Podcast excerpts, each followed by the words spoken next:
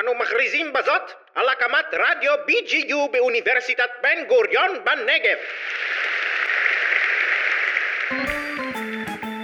דואט, הורים ילדים, ומה שביניהם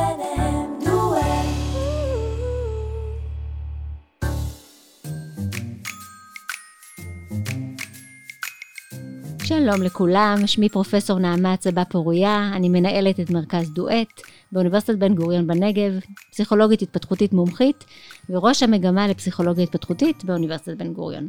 ואתם מאזינים לפודקאסט שלנו בנושא הורים, ילדים ומה שביניהם. בכל פרק אנחנו מארחים כאן איש או אשת מקצוע לשיחה בנושאים שונים הנוגעים להתפתחותם של ילדים. וקצת גם להורים. ואנחנו משיבים לשאלות שאתם שואלים אותנו, ויש לנו הזדמנות ליצור כמעין שיח, למרות שאתם לא איתנו פה, אבל אנחנו חושבים אתכם.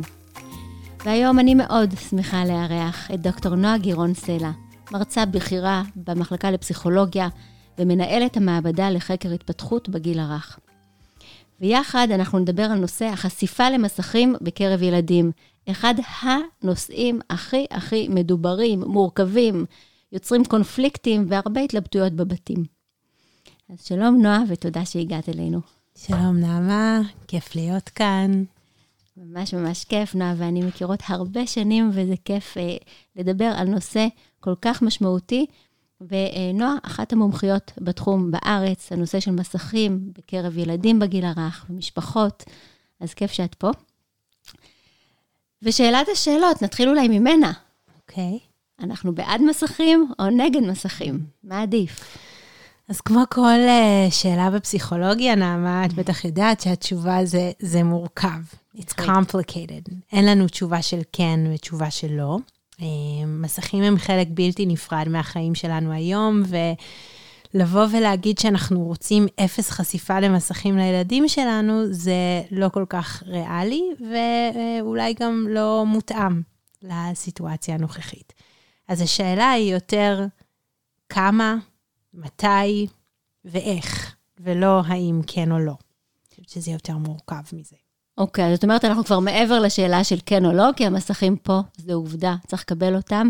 ועכשיו השאלה, מה עושים איתם כדי לא לגרום נזק, ואולי אפילו, מה שלא נכון. תמיד זה ברור, אפילו אולי רווח מסוים נכון. יש מהם. הצד השני של אה, למידה ממסכים הוא פחות, אה, ככה פחות מדברים עליו במחקר, אבל הוא כן צובר קצת יותר תאוצה ויש קולות כאלה.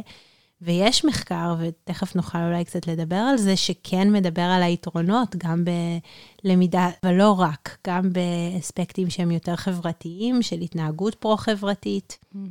אז בעצם יש לנו שחקן חדש פה בחיים, ו... משתתף חדש אולי, ואנחנו צריכים ללמוד איך להתמודד איתו. הרי רוב ההורים כיום לא גדלנו עם אה, מסכים, לפחות בדור אה, שלי, אה, בדורות של ההורים הצעירים כיום, לא היו לנו מסכים כילדים, ואנחנו צריכים ללמוד איך להכניס אותם לבית. נכון. אז מה את מציעה? איך נכון בעצם להכניס את המסכים הביתה? אוקיי, okay, אז אני חושבת קודם כל שיש כמה שאלות שצריך לשאול ולחשוב מה מתאים לכל משפחה. הדגש עד היום uh, בשיח אצל ההורים, ואני רואה את זה גם המון בפייסבוק ובקבוצות של ההורים, זה הנושא של הכמות. אוקיי? Okay, כמה שעות הילד שלי צריך לראות? שזאת שאלה חשובה, אבל חשוב לי uh, להעביר את המסר שזה לא רק זה. זה לא רק זמן מסך. יש עוד דברים שאנחנו צריכים לקחת בחשבון כשאנחנו משתמשים במדיה.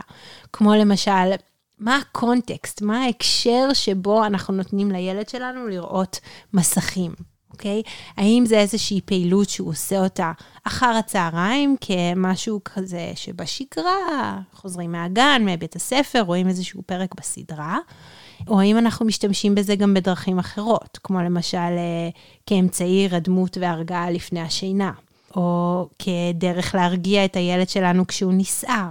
אז מה טוב ומה לא טוב? אני פחות אוהבת להגיד טוב ולא טוב, כי... זה תלוי כי, מתי ו... זה תלוי מתי וכמה גם. כי בואי ניקח למשל את הדוגמה של להשתמש במסכים כדי להרגיע את הילד שלנו כשהוא נסער. זה משהו שהרבה הורים עושים אותו היום, אני גם רואה את זה. Uh, כשהילד רוצה משהו ולא יכול לקבל אותו, כשהוא נסער uh, בבדיקה רפואית או צריך לעבור משהו כואב, אנחנו נותנים לו מסך, מסיחים את דעתו, והרבה פעמים זה עובד. כלומר, זה מאוד מאוד יעיל. אה, ואם אנחנו עושים את זה פעם ב, יכול להשיג את המטרה שלנו, ובמיוחד באמת בפרוצדורות הכואבות יותר הרפואיות. אה, אבל אם אנחנו חושבים על זה, לאורך זמן, אם אנחנו מרגילים את הילד שכל פעם שיש איזשהו קושי רגשי שצריך להתמודד איתו, אנחנו שמים מולו מסך, זה מסיח את דעתו והוא שוכח מזה, אנחנו צריכים לחשוב מה זה עושה ליכולות שלו לווסת באופן עצמאי את הרגש שלו. Okay? אוקיי? אחת המשימות שלנו כהורים הרי זה להקנות לילדים כלים שבהם הם יוכלו להרגיע את עצמם, נכון? בכל מיני דרכים, אם זה ב- לעשות איזושהי הערכה מחודשת של המצב, לחשוב למה כאב לי, מה יכול להרגיע אותי, לעשות משהו פעיל. אבל ברגע שאנחנו משתמשים בפתרון הזה, שהוא מאוד, יש בו משהו מאוד פסיבי, נכון? ומנתק, אנחנו בעצם לא מאפשרים לילדים ללמוד אסטרטגיות שהן יותר יעילות. אז הם הופכים להיות תלויים במסך. ואז אם אין מסך, הם לא יצליחו להרגיע את עצמם. בדיוק. כי הם לא למדו איך לעשות את זה נכון. באופן עצמאי. אז מה יהיה כשהם יהיו גדולים ויעבדו, והבוס שלהם יעצבן אותם? אז אי אפשר יהיה פתאום לפתוח את הטלפון ולהירגע. זו שאלה נכון. מאוד מאוד מעניינת, כי אם נעזוב לשנייה את הילדים, יש את ההורים שלהם לידם. ותראו מה קורה אצלנו. כל ההורים, כולנו, נמצאים בתוך מסכים. האם אנחנו יודעים כבר לווסת את עצמנו בלי מסך? האם כשאנחנו צריכים להמתין בתור, הפלאפון מיד נשלף, או שאנחנו עדיין מסוגלים להרהר במחשבות ולהמתין בצורה אחרת? גם אנחנו פה חלק מהסיפור כבר. שאלה טובה, ובאמת אנחנו רואים מחקרים אה, תצפיתיים היום, שמתצפתים על ההורים בכל מיני מקומות, כמו למשל אה, מרפאות שמחכים בתור עם הילד, גני שעשועים, מסעדות.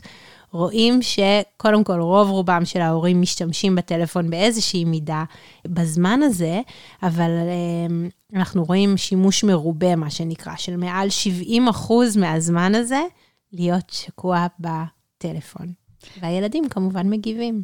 כן, כן, אני שמעתי על אה, מקרים, על אה, משפחות שהולכים לבית קפה ומזמינים עוד בקבוק מים חוץ ממה שהם אה, אוכלים ושותים, כדי שיהיה על מה להשעין את הפלאפון, כדי שהילד יוכל לצפות שם בזמן שהם אה, אוכלים ושותים. אבל למה? בגלל שהם מוצאים שהפלאפון באמת באמת משתיק את הילד, או לפחות שומר על הקשב שלו במקום כזה שהילד לא מתלונן על זה שהוא רוצה ללכת, רוצה לעשות משהו. אז אנחנו אה, נמצאים בתקופה שהפלאפון כל כך זמין וכל כך נוח, ובאמת זה פתרון קל, אבל מה שאת אומרת, זה שאולי יש לזה גם מחיר לקלות הזאת. נכון. הטלפון זה המוצץ החדש, כמו שאני אומרת, ומה שטוב בו זה שמוצץ לא מקובל חברתית אחרי גיל אה, שנתיים וחצי, שלוש כזה, נכון? אולי קצת ארבע, אבל טלפון כן. זה אפילו מוצץ לגדולים יותר.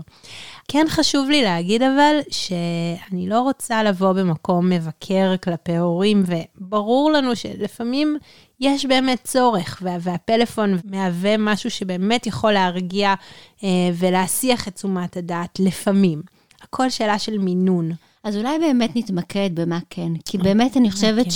שאנחנו בתקופה כזו בחברה שהרבה הורים מרגישים רגשות אשמה על זה שהילדים בפלאפון, ואנחנו אומרים הרבה דברים לא טובים עליו, אבל באמת באמת הוא פה כדי להישאר, ואולי צריך ללמוד איך להשתמש בו, ולא רק מה הביקורת השלילית שיש לנו עליו. כן. אז אולי קודם כל נדבר באמת על הנושא של מה, הרבה פעמים הורים שואלים אותי, מה זה נקרא תוכן טוב? מה זה נקרא תוכן חינוכי? איך אנחנו יודעים אם זה חינוכי או לא? אז קודם כל, כמובן שזה משתנה בהתאם לגיל, נכון? לכל גיל יש דברים אחרים ש, מתאימים. אה, ואם נתחיל מהגילאים הצעירים יותר, שזה ככה גם תחום ההתמחות שלי, יש כמה דברים שאני, שאני חושבת שצריך לשים עליהם דגש. הדבר הראשון זה הקצב. של, ה, של התוכנית. אנחנו צריכים לשים לב שהסדרה היא בקצב שהוא מתאים ל, לילדים ולרמה הקוגניטיבית שלהם, אוקיי?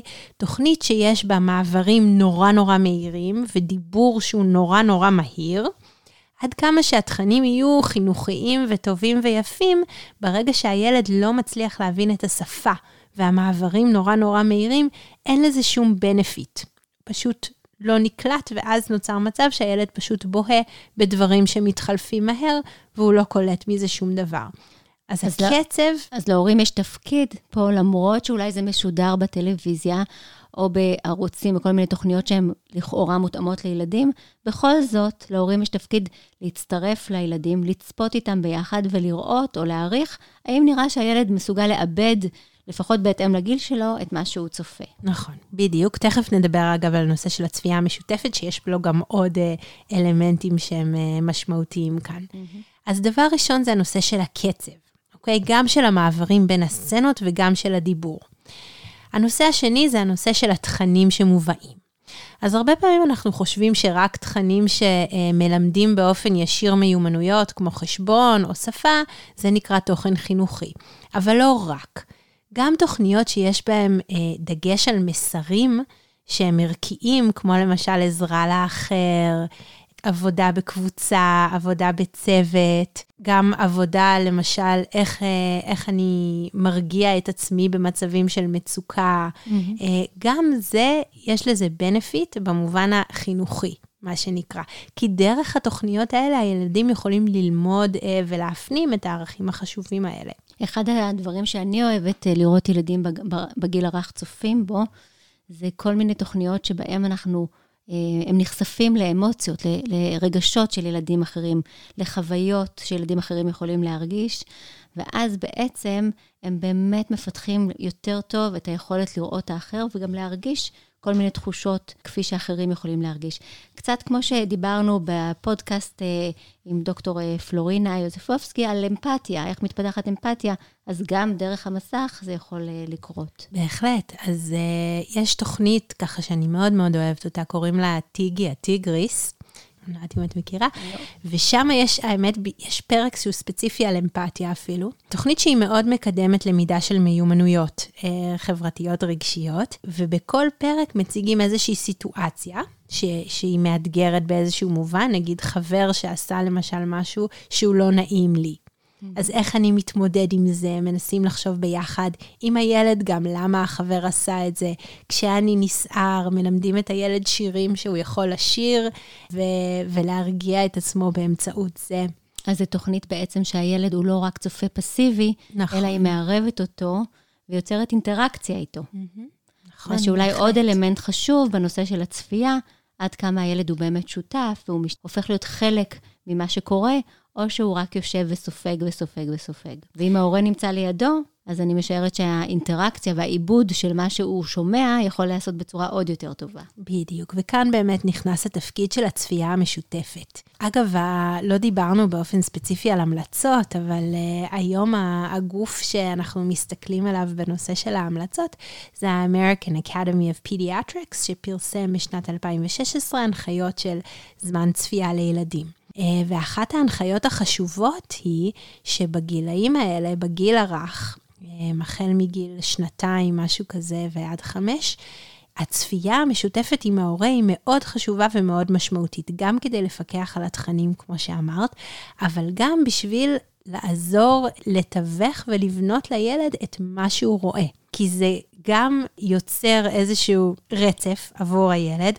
הוא ראה משהו אחד עבור המסך, ואז איך הוא יכול ליישם את הדברים גם בעולם האמיתי, ועוזר לו להבין יותר טוב את הדברים, וגם זה איזושהי הזדמנות ליצירת שיח, קשר בין ההורה לילד, שזה, תמיד אנחנו יודעים שזה חיובי. אז אם אנחנו מסכמים על הגיל הרך, אז בעצם מה שאת אומרת, זה לא הרבה זמן, ואני בכוונה לא רוצה לנקוב בזמן, כי אה, משך הזמן מאוד תלוי גם לבתים, ולמשפחות ולילדים. בעיקר אבל... בזמנים היום של, ה... של הקורונה. הקורונה. אנחנו כן. עוד מעט נדבר, ניתן לקורונה ככה מקום, כי מסכים וקורונה באים לצערנו ביחד, אבל באמת לא הרבה זמן, כי זה לא בריא לילדים להיות צופים פסיביים, אה, זה לא טוב להם גם לצפות במסכים כל כך הרבה שעות המרצדים, מה שהיום אנחנו עוד, ככה, יש כל מיני מחקרים, נכון, שמדברים על זה שאולי גם זה לא טוב כל כך להתפתחות המוחית. אבל יותר מזה, מה שאת אומרת, אם כן, אז לפחות גם שההורים יפקחו במה הם צופים, על התוכן, על המותאמות של התוכניות לגיל של הילדים, וגם עדיף צפייה משותפת, שבה באמת יש חוויה של ביחד, חוויה של פעילות משותפת, וההורה יכול לתווך לילדים גם את אה, מה שהם צופים או מה שהם נחשפים אליו. נכון. אני רק רוצה עוד משהו קטן, המלצה להורים. יש אתר שקוראים לו common sense media. מומחים דירגו שם את כל התוכניות שיש, לא רק לילדים בכלל, mm-hmm. לאיזה גיל כל תוכנית מתאימה, מה מידת האלימות, מה מידת הערכים החיוביים. ממש נתנו ציונים מספריים, וזה נהדר, זה מלמד המון. אז אין שם תוכניות ישראליות, אבל uh, גם ככה ילדים רואים לרוב דברים שלא נוצרו בישראל. אוקיי, okay, זה בעצם אתר שקצת עוזר להורים האבודים, שבאמת אין להם עדיין לא מניסיון אישי וגם באמת לא, לא מלמדים את זה, דרך כל כך להעריך את מה שהם רואים, פרט לאינטואיציות ובאמת לחשיבה בריאה. אז אני רוצה כן להישאר עוד רגע דווקא בגילאים הקצת יותר אה, גדולים. כי כמו שאמרת, להבדיל מהמוצץ שבגיל 3-4 כבר בוודאי לא מקובל בחברה שלנו, המסך נשאר שם, ואולי גם מקבל תפקידים אחרים. בהחלט, ושוב, זה משהו שאנחנו רואים היום מאוד מאוד חזק ב- בתקופת הקורונה. פעמים זה הפלטפורמה של ילדים לתקשר. היום ילדים משחקים אה, הרבה במשחקים, גם של קונסולות, אבל גם במשחקים במחשב, כקבוצה. ביחד, בסקייפ, באוזניות, אה, וזה בעצם, הרבה הורים אומרים לי, זה מה שהציל את הילד שלי בתקופת הקורונה. אל תצאי נגד מסכים, זה נורא חשוב. חשוב, אני חושבת, אה, להדגיש גם את הבנפיט הזה, שעבור חלק מהילדים זה ממש היווה גלגל הצלה בתקופה הזאת. אבל גם כאן אנחנו צריכים להסתכל באמת על מה, על איזה אלמנטים חשובים שיהיו כדי להשאיר את זה במובן המיטיב. כן, אז המידה מאוד מאוד חשובה, וגם התכנים, אני חושבת שהורים לפעמים, בגלל ש... הם לא יודעים, אנחנו לא כל כך יודעים מה נכון ומה לא, אז אנחנו אומרים, אוקיי, נסמוך על, ה, על חוכמת ההמונים, ואם כל הילדים משחקים, אז גם נאפשר לילד שלנו, אבל אולי כן כדאי. ואני ככה יכולה לומר שההמלצה שלי בדרך כלל להורים, זה שבו ושחקו עם הילדים, לפחות באמת. פעם או פעמיים, תצפו באמת. איתם בתוכניות. וגם אם יש לכם דברים יותר חשובים, תראו את זה כמחויבות הורית, לפני שמשחררים את הילדים, להיות שם כדי ממש להרגיש מה הם אה, חווים, במה הם צופים, ואז אפשר לשחרר יותר במידה וזה נראה מתאים. נכון, וגם שוב, ליצור שיח במקרה שיש תכנים שהם לא מותאמים. למשל, התוכנית uh, Game of Thrones, אוקיי? אה, משחקי הכס, שהיא תוכנית uh, עם תכנים אלימים ו- ומיניים מאוד קשים, ומתבגרים רואים אותה. אה, אז אני חושבת שצפייה משותפת עם המתבגר היא מאוד מאוד חשובה כדי, שוב, לאבד את התכנים, להכניס את זה למקום של ההפרדה בין המציאות לבין הטלוויזיה. אז לשם כך, מה שאת אומרת הוא מאוד חשוב. כך שהמסכים פה כדי להישאר, והתפקיד של ההורים זה ללמוד איך לתווך את זה, איך לחנך את הילדים סביב השימוש במסכים. וגם יש להדגיש שהמסכים לא יבואו במקום פעילויות אחרות שהן חשובות. כן. כי לא סתם, גם ה-American Academy of Pediatrics לא נותנים הנחיות לזמן מסך מעל גיל 6. כמה. אבל מה שהם כן אומרים זה דברים שחשוב שכן יהיו בנוסף, כמו למשל שעה ביום של פעילות שהיא פיזית. זה לא חייב להיות uh, במכון כושר, כן? רוב השנים... שמעבר להזזת האצבעות על המסך. בדיוק, אבל אתם יודעים, ילדים רוכבים על אופניים, uh, נוסעים לפארק, יש המון דברים שאפשר לעשות ש... ש... זה מאוד מאוד משמעותי. או למשל, לא להשתמש במסכים בחצי שעה לפני השינה. זה משהו שמחקרים מראים לנו שהם פוגעים באיכות השינה, קשורים גם לפחות שינה וגם שינה שהיא פחות איכותית. אז בעצם המסכים יכול להיות שהם קשורים גם לאינטראקציות חברתיות, ואפילו מפתחים את האינטראקציות החברתיות כשמשחקים בהם בצורה קבוצתית, אבל זה לא תחליף ללצאת החוצה ולשחק עם ילדים באופן פיזי, אחד מול השני, בצורה חופשית, וזה משהו שצריך לשים לב ולעודד את הילדים לצאת. והדבר השני שאמרת שהוא מאוד חשוב, ואנחנו נדבר גם עליו פה בפודקאסט על שינה, באמת איך אנחנו צריכים להיזהר ולעשות את ה... אה, לשמור את הפער הזה של המסכים לפני השינה, כדי שלא יפגעו בשינה. אולי נאמר אבל באמת שהמסך יכול גם לפגוע בקשר הורה-ילד, נכון? בהחלט.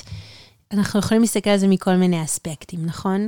כי גם uh, בדרך כלל כשילד צופה בטלוויזיה בסדרה, הוא פשוט יושב, וההורה מנצל את הזמן הזה כדי לעשות דברים אחרים, ושוב, אני מאוד יכולה להבין ולהזדהות עם זה. אז זה יוצר פחות הזדמנויות, אבל גם אנחנו יכולים לחשוב על האספקט של השימוש של ההורה עצמו בטלפון. שזה עוד משהו שאני מאוד רוצה שהורים יחשבו עליו קצת. שוב, לצאת מהעניין הזה של כמה זמן רק הילד רואה, ולחשוב גם על מה הוא נחשף. אז יש פה בעצם את ה modeling, למשל, אם הילד רואה את ההורה שלו כל הזמן בפלאפון, וההורה אומר, אבל לא, לא, זה חשוב, זה רק, זה העבודה שלי, זה בגלל שזה עבודה. לילדים זה לא משנה אם זה עבודה או לא. הם רואים שבעצם ההורה באותו רגע בוחר להיות עם הפלאפון ולא איתם. וזה modeling, ואז אנחנו יכולים לראות ילדים אחר כך עונים להורים, אבל רגע, רגע, אני רק במשחק. המשחק של הילדים זה כמו העבודה של ההורים. אז אם אנחנו רוצים ללמד אותם לעצור, כשאנחנו נמצאים ביחד אין משחק, אין פלאפון, אז גם השאלה עד כמה אנחנו יכולים. אנחנו יודעות שזה מורכב, אבל בכל זאת גם להציב גבולות ולשמור על הקשר עם הילדים. העבודה, האינטראקציות החברתיות, ריבוי הקבוצות, הוואטסאפ השונות, הם יכולים מאוד מאוד לפגוע בקשר עם הילדים. נכון, ובעיקר אם נחשוב על זה שרוב התקשורת הרי שקורית בטלפון אחר הצהריים של ההורים זה התכתבויות וקבוצות, שזה אחרת מפשוט לקחת את הטלפון, נכון, ולעבוד איזה חצי שעה, נכון? כי למה? הילד עם ההורה. אוקיי? פתאום הודעה, ההורה מתנתק, הילד לא מבין, תלוי באיזה גיל, כן? אבל תינוקות ממש צעירים לא מבינים אפילו לאן ההורה הלך. הוא הלך. ואז הוא חוזר. עד שמתניעים שוב את האינטראקציה, שוב ההורה יוצא, אוקיי? והקטיעות החוזרות והנשנות האלה הן בעצם יותר מזיקות, לדעתי, מאשר התנתקות אחת ארוכה. כי אם נחשוב על הציפיות שהילד יוצר, נכון? כל פעם נוצרת איזושהי ציפייה שהנה, האינטראקציה חוזרת והופ, היא נקטעת. סוף סוף אימא איתי והופ, כן. הלכה, והנה איתי והופ, ואז יש הרבה הרבה אכזבות ותסכול. וגם מה הוא לומד? מה הוא לומד על יחסים בין אישיים ככה, על, על יצירה של תקשורת חברתית? לא פשוט להיות הורה היום, ממש לא. לא פשוט לא להיות ילד ולא להיות ולא הורה. ולא להיות ילד. אבל מצד שני, כמו שאמרת, החברה שלנו גם היום מצפה שאנחנו נהיה זמינים כל הזמן. נכון? כן. גם בעבודה. הרי היום הוואטסאפ כבר זלג לעבודה. הנה, נעמה, לי ולך יש קבוצת וואטסאפ שהיא מיועדת לדברי עבודה, שאנחנו מתכתבות בה כל היום. נכון. אז אנחנו לא יכולות להתעלם מזה. איפה הגבולות של עבודה וחברה וחיים פרטיים? נכון. הכל מתערבב עם הפלאפון, כי הוא מכניס לנו את העבודה פנימה.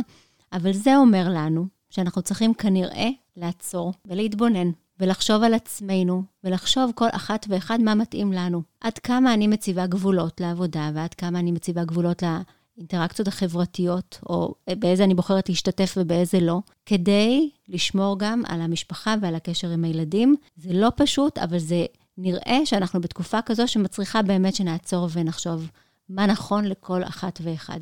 נכון. אני מאוד מאמינה בזה שתכנון mm-hmm. זה משהו שהוא מאוד יכול לעזור. לתת איזשהו גבול חיצוני שיעזור לנו גם כהורים לווסת. שעה אחת ביום אחר הצהריים שהיא ללא מסכים של אף אחד. לא של הילדים. ולא של ההורים, בדיוק. או להגדיר בלי uh, טלפונים בארוחות, ובלי מסכים גם בארוחות.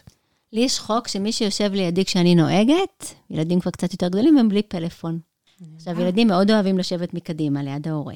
מצד שני מאוד אוהבים פלאפון, אבל אני אומרת, זה הזמן שלנו לשוחח. נכון. וזה קצת שומר אותם בלי פלאפון, בלי מסכים, אבל כמו שאת אומרת, זה צריך לחשוב כל אחד באמת איפה אנחנו מציבים גבולות, כי גבולות שומרים עלינו, והם מאוד מאוד אה, חשובים. יש לי הרגשה שאנחנו יכולות להמשיך ולדבר עכשיו שעות על הנושא הזה, כי יש כל כך הרבה זוויות, נושאים ועוד אה, באמת אה, מורכבויות לנושא הכל כך חשוב. עכשיו יש לנו פה כמה שאלות שהורים שאלו אותנו, ואני רוצה שנתייחס אליהם. אז למשל, עדי אומרת, יש לי ילדה בת שלוש ותשעה חודשים, וילד בן שנה ושמונה חודשים. מהגדולה הצלחנו למנוע מסכים עד גיל שנתיים, ומאז נותנים לה רק בנסיעות ארוכות. ובערב לפני השינה, 20 עד 25 דקות עד שמתארגנים לשינה. לקטן אני עדיין לא נותנת טלפון או אייפד ביד. רק במקרים ממש בודדים שהוא ממש מתפרע בהחלפת טיטול, או שאני בשיחה בעבודה. אבל אני לא יכולה לעצום לו את העיניים בזמן שהגדולה רואה, הוא נמצא שם. הוא גם ממש אוהב טלוויזיה, ומנסה להדליק אותה ברגע שנכנס הביתה. אז איך בכל זאת אני מפחיתה לו זמן מסך? וואו. אוקיי, okay, זה באמת אתגר מאוד מאוד גדול שאני שומעת מהרבה הורים. עם הילד הראשון הצלחנו, עם הילד השני, הסיטואציה אחרת לגמרי. אז קודם כל, אני אגיד לעדי לגבי העניין של uh, להרגיע אותו כשהוא ממש מתפרע בהחלפת טיטול או שיחת עבודה. זה בסדר גמור לעשות את זה מדי פעם. כלומר, אין שום דבר רע במרכאות בלתת לו לפעמים לראות איזשהו אה, משהו קצר. לגבי הטלוויזיה של אחותו, אני הייתי שוב עושה איזושהי תוכנית מאוד ברורה של איפה ומתי הילדה היא זו שרואה את הטלוויזיה, ולהפריד את זה מהפעילות של הילד. אפשר לעשות את זה למשל כשהוא הולך אה, לעשות אמבטיה, או שהוא נמצא במשחק והילדה רואה בחדר אחר. אני חושבת שבגיל מסוים יש בנפיט גם של ילדים לראות ביחד, כאחים.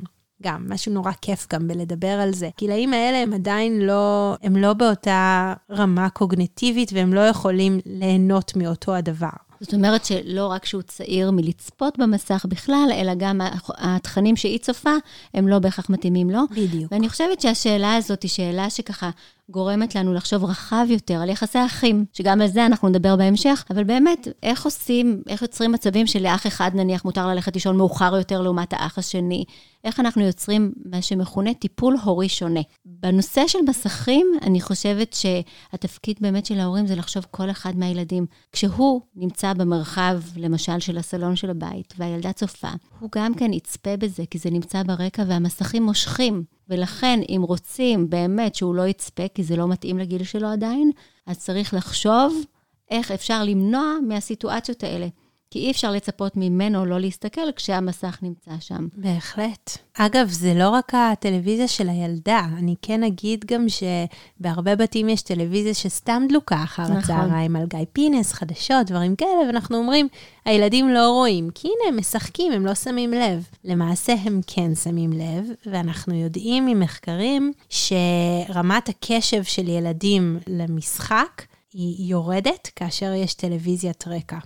כן, זאת אומרת שהמחקר מראה שכאשר ילדים משחקים, הטלוויזיה סתם נמצאת ברקע, אני קוראת לו הקיר המרצד. יש בבתים קיר כזה מרצד שלא מכבים אותו, פגיעה משמעותית בהתפתחות של הילדים. אז צריך לכבות את המסכים, כי הם כל כך כל כך דומיננטיים.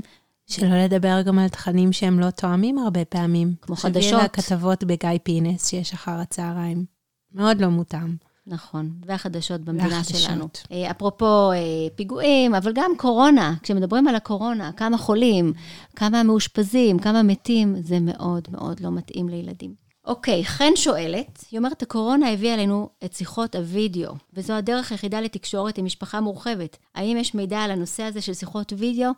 וזה נושא חדש, כי הוא באמת לא היה כל כך נפוץ, פרט למשפחות שנוסעות רחוק. מה קורה עכשיו עם הוידאו? אז למעשה, כן, זאת שאלה מצוינת, חן. ודווקא בשנים האחרונות, כן, יש גם המון מחקר על זה. והמסקנה הכללית היא ששיחות וידאו זה יוצא דופן בהנחיות. כי דווקא ההנחיות הן, ועכשיו במיוחד בתקופת הקורונה, כן להשתמש בשיחות וידאו כדי להמשיך ולשמר על הקשר. עם אותה משפחה רחוקה שלא ראינו בתקופה הזאת. אז מה שונה בכל זאת בשיחת וידאו? נכון שזה עדיין איזשהו מסך שמרצד, נכון? אבל בהבדל מתוכנית, מדובר כאן על משהו שאינטראקציה שהיא תגובתית. הילד אומר משהו, והתגובה אליו היא מותאמת, נכון? והוא מגיב בצורה מותאמת. יש כאן את הבסיס של התקשורת החברתית. Mm-hmm. מחקרים אפילו מראים לנו שילדים יכולים ללמוד מילים חדשות. דרך שיחת וידאו. אז יש בעצם קשר שנוצר, והוא מותאם גם בקצב שלו וגם בצורת דיבור לילדים, ואז זה לא בהכרח רע. בדיוק, זה אפילו יכול להועיל, אבל, שוב, חשוב לי להגיד כאן גם כמה אבלים. קודם כל, מאוד חשוב ללכת עם מה שהילד מרגיש כאן. יש הרבה ילדים צעירים שמתנגדים מאוד לשיחות האלה, הם לא מרגישים עם זה בנוח. הם גם לא, קשה להם להבין את זה שהאדם הופך להיות חד-מימדי, האדם שהם מכירים, הם מנסים לגעת. מבלבל, אין לו לא ריח. מצליח, בדיוק. אין לו, אי אפשר לגעת בו, הוא מרגיש שונה, נכון? אה, ולהורים, נכון, יש המון לחץ הרבה פעמים לעשות את זה, בגלל שהסבים אה, מאוד מאוד רוצים, אה, והם מרגישים איזושהי מחויבות, אבל אם הילד מתנגד לזה, אני ממליצה לזרום איתו. זה דבר אחד. דבר שני, חשוב שהשיחות וידאו זה לא בייביסיטר. אי אפשר להשאיר את הילד שם אה, וללכת. א', כי זה מסוכן, אבל ב', כי גם לילד נורא חשוב התיווך הזה. בעיקר בגילים הצעירים, אני לא מדברת על הגדולים יותר, אה, שכבר מבינים בעצמם יותר טוב איך מתחברים לזום, אבל uh, הילדים הצעירים זקוקים לתיווך של ההורה או הדמות המבוגרת בתוך הסיטואציה הזאת. כן, שזה דגש מאוד מאוד חזק uh, וחשוב ש... ככה את חוזרת עליו, והוא שילדים צעירים צריכים תיווך. בגיל הרך הם צריכים תיווך גם לאיך להתנהל מול זה ולתכנים. אגב, בגילאים היותר גדולים הם צריכים תיווך גם כן רגשי. אה, אנחנו יודעים שילדים צופים בכל מיני תוכניות, אה, או כל מיני אפליקציות שקורים שם דברים שהם לא מותאמים לגיל שלהם, ואם יש מבוגר שעוזר להם לתווך את המידע, או לעזור להם להבין שזה לא מתאים, או במידה והם רואים לעזור לתווך את מה שהם רואים, זה לא יפגע בהם. אבל בלי תיווך זה יכול מאוד מאוד לפגוע. נכון, הילד גם יכול ללכת לאיבוד, הוא פתאום אה, מסתכל על מקום אחר, לא מבין בדיוק מה הבן אדם בצד השני מנסה להגיד לו.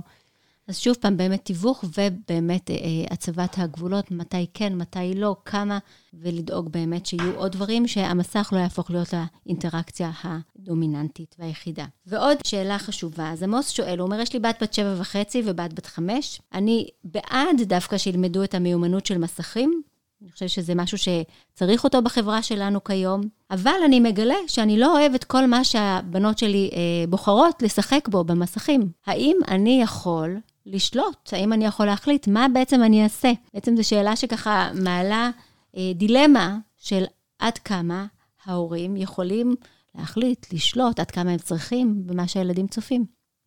אז זו שאלה מצוינת, אני חושבת, וזה מאוד מתחבר לי אה, לפרקטיקות הוריות באופן כללי, נכון? Mm-hmm. עד כמה אנחנו צריכים למצוא את האיזון שלנו בין הגבולות והחוקים הברורים לבין המתירנות. וגם במחקרים על מדיה, אנחנו רואים את המתח הזה. ולמעשה, דווקא המחקר מראה לנו שהורים שהם יותר מדי, מה שנקרא restrictive, כלומר, נוקשים. מאוד מאוד נוקשים במה הילד רואה ומתי, זה בדרך כלל בסופו של דבר קשור ליותר זמן של צפייה וצפייה בדברים פחות, פחות חיוביים. אה, כי יש כאן כנראה איזשהו אפקט של אה, פיצוי, שהילד מחפש את המקומות האחרים. כמו אה, אחרי דיאטות חמורות, שאוכלים הרבה יותר. בדיוק. אז קודם כל, אני הייתי שואלת את עמוס, כאילו, מה הוא לא אוהב, האם זה מדובר במשחקים שהם, יש בהם תכנים של אלימות, כלומר, תכנים שהם שליליים, שהם לא מותאמים, או שהם פשוט מטופשים בעיניו. וזה הבדל, בגלל שאם אנחנו מדברים על אה, משהו שהוא אלים ולא מותאם, כמובן שאנחנו יכולים למח... להסביר שוב, כן, אני לא ממליצה פשוט למחוק את האפליקציה אה, מבלי להס... לדבר ולתווך את זה, אבל לעשות איזשהו תהליך מיל ולהסביר למה זה לא מותאם, ואבא לא מרשה יותר לשחק בזה. אם הסיבה היא שזה פשוט לא חינוכי בעיניו, אני הייתי עושה עם הילדות איזושהי תוכנית ברורה של חלוקה, כמה מותר תכנים שהם כיפים יותר, וכמה מותר תכנים שהם יותר מלמדים וחינוכיים. באופן ברור לנהל את הדיאלוג הזה. מדובר בילדות כבר שהן גדולות, הן לא תינוקות, והן יכולות להבין מה יכול להועיל ומה יכול פחות להועיל במסכים. וברגע שילדים מבינים את זה, אני מצאתי שהם ממש גם, אה, הם אוהבים להפיץ את הבשורה ולהסביר לאנשים אחרים. כן. למה זה חינוכי ולמה לא. ועל הדרך הם מנסים לשכנע את עצמם גם כן. ככל כן. שילד אומר את זה שוב ושוב, אז הוא גם אומר גם לעצמו, כי זה באמת קשה לוותר על דברים שאוהבים. אבל אם אני אגיד שוב ושוב לאחרים ואסביר להם, אז אולי גם אני אצליח לוותר על זה. אבל באמת, החשיבות הכל כך גדולה של להפוך את הילדים לשותפים. כי הילדים בדיוק. בעצם יושבים איתנו, ואז אנחנו עוזרים להגיד להם מה אנחנו אוהבים בבחירה שלהם. למשל, מה אני אוהבת בתוכנית או במשחק כשהם משחקים עכשיו, מה אני פחות אוהבת, לעזור להם להפעיל שיקול דעת. ולכן, בפעם הבאה שאיזשהו חבר או חברה יראו להם משחק אחר, יכול להיות שהם יפעילו, הם יפנימו כבר את כיוון החשיבה שלנו, וזה מה שאנחנו רוצים שבהורות תהיה. ילדים יוכלו לחשוב לפחות מה אימא הייתה חושבת, מה אבא היה חושב. אה, ידעו האם היינו אוהבים, האם אנחנו תומכים במשחק הזה או לא. אז בעצם, אנחנו מדברים פה על תהליכי חינוך ו- וגדילה והתפתחות. המסך מאפשר לנו את ההזדמנות. הדבר הנוסף שאנחנו, אה, אני חושבת, אה, עולה בשאלה הזאת, זה בכלל השאלה של תלות ונפרדות, והקושי שלנו כהורים לוותר קצת על המקום של השליטה שלנו, שאנחנו מחליטים. אז גיל שבע זה ככה, חמש זה בוודאי עוד ככה על הגבול, ושבע זה כבר מתחיל, ועוד מעט גיל ההתבגרות, ושם באמת, אני חושבת שהורים צריכים לחשוב איפה הקווים האדומים שלהם, של חד משמעית לא, ואיפה המקומות של אני לא מאוד מאוד אה, אוהבת את זה, אבל אם את כל כך רוצה, בסדר. אה, חשיבות של הילדים לבטא את עצמם, ואולי דבר נוסף שלא כל כך דיברנו הפעם, הקבוצות החברתיות. כי אם כל הילדות אחר כך בכיתה מדברות על התוכנית הזאת, ורק הילדה שלו לא יכולה לדבר, אז בעצם אה, המחיר אולי הוא יכול להיות גם יותר גדול וכבד. ואז אנחנו רוצים כן להבין, וזה חלק מהתקשורת. כי אם אבא בא ואומר לה, אני לא כל כך אוהבת את התוכנית הזאת, אבל היא אומרת לו, אבל כולם מדברות ואחר כך על זה, או משחקות את זה אחר כך בכיתה, אני גם רוצה אז אולי אבא יבין שיש לזה גם משמעויות חברתיות. נכון, נכון, אני ממש אה, יכולה אה, להזדהות עם זה אפילו בתור הורה, שהבן שלי, אה, שהוא גם בן שבע, רואה כל מיני תוכניות שאני מאוד לא אוהבת אותן, כי הן מאוד אלימות, אבל הוא לא, הוא לא יוכל לדבר עם החברים אם לא. ומה שאני עושה זה פשוט, שוב, בהמשך למה שאמרנו, אנחנו עושים איזושהי שיחה ועיבוד על הדברים האלה, אוקיי? מפרידים בין מה הדמויות בסדרה עושות, לגבי מה לגיטימי לעשות לנו בתור חברה. אה, ומפרידים, מפרידים, מפרידים, מפרידים בין מה שרואים בטלוויזיה למציאות. כן. אה, אני כן רק אגיד עוד מילה אחת לעמוס, שאחד הדברים שאני מוצאת מאוד מאוד יעילים, זה הגדרה ברורה של זמן. ברגע שאומרים לילדות, או, אוקיי, את יכולה עוד קצת, עוד כמה דקות, זה לא יעזור. זה רק מקום שבו הם ימשכו את זה עוד ועוד זמן. זה צריך להיות הגדרה ממש של מספר דקות, או רבע שעה, או כמה שלא תחליטו, ביום של המשחק הזה, לעומת הזמן במשחק הזה. ברגע שתהיה להם את ההגדרה והן יודעות להסתכל כבר בשעון, בטח הן כבר גדולות, אה, יהיה להם הרבה יותר קל גם עם עצמם. הם לא יתחילו להתווכח כי הן יודעות את הכלל. ואז יותר קל אה, לוותר גם על משהו שמאוד רוצים. אז כמו שאמרתי, באמת זה נושא מרתק, חשוב, אה, מורכב ומציב הרבה מאוד אה, אתגרים בפנינו, אבל גם הזדמנויות. ואני חושבת שכל השאלות שעלו פה הם הזדמנות לחשוב מה היחסים שלי עם המסכים, מה היחסים שאני רוצה שיהיו בבית שלי עם המסכים, איך אנחנו יכולים להשתמש בהם, עד כמה אנחנו מגבילים אותם. או עד כמה אנחנו דווקא מאפשרים אותם ומצרפים אותם לאינטראקציה שלנו. אבל המסך הוא משתתף חדש נוסף חשוב בבית, וחשוב לתת את הדעת עליו, וליצור את הנורמות ואת השיח ואת המחשבה של איפה הוא בבית. כמובן, לא תמיד שני בני הזוג אה, מסכימים לגביו, בכלל איך המסך משפיע על הזוגיות זה נושא אחר, אבל זה באמת באמת מצריך עצירה ומחשבה ביתית. לנסות לחשוב מה אנחנו חושבים, ולנסות לחשוב איפה זה פוגש את הילדים שלנו, ומה הם חושבים לגבי זה, ומתוך זה ליצור את האינטראקציה. אנחנו מדברים כמובן על יכולת רפלקטיבית, שזה ככה, אי אפשר בלי לחשוב את עצמנו ולחשוב את הילדים שלנו, אה, כשאנחנו יוצרים את הקשר ורוצים שההתפתחות תהיה טובה ובריאה. אז תודה רבה, נועה. נהניתי ושמחתי ולארח אותך פה, וגם למדתי אה, דברים חדשים. אני אציין שאת הפרק הזה אנחנו הקלטנו בתחנת הרדיו של אוניברסיטת בן גוריון בנגב. המפיקה שלנו, כנרת לבבי, שבלעדיה לא היינו יכולים לעשות את זה, וגם מנהל תחנת הרדיו ועורך ראשי דוקטור בוזי רביב. תודה רבה. אני נעמה הצבא פוריה. ולתכנים נוספים והצטרפות לקהילת דואט, תחפשו אותנו בפייסבוק, מרכז דואט באוניברסיטת בן גוריון בנגב, תשלחו שאלות אלינו, אנחנו פה כדי באמת להשיב, לשוחח איתכם מבעד לפודקאסט. נשתמע בפרק הבא.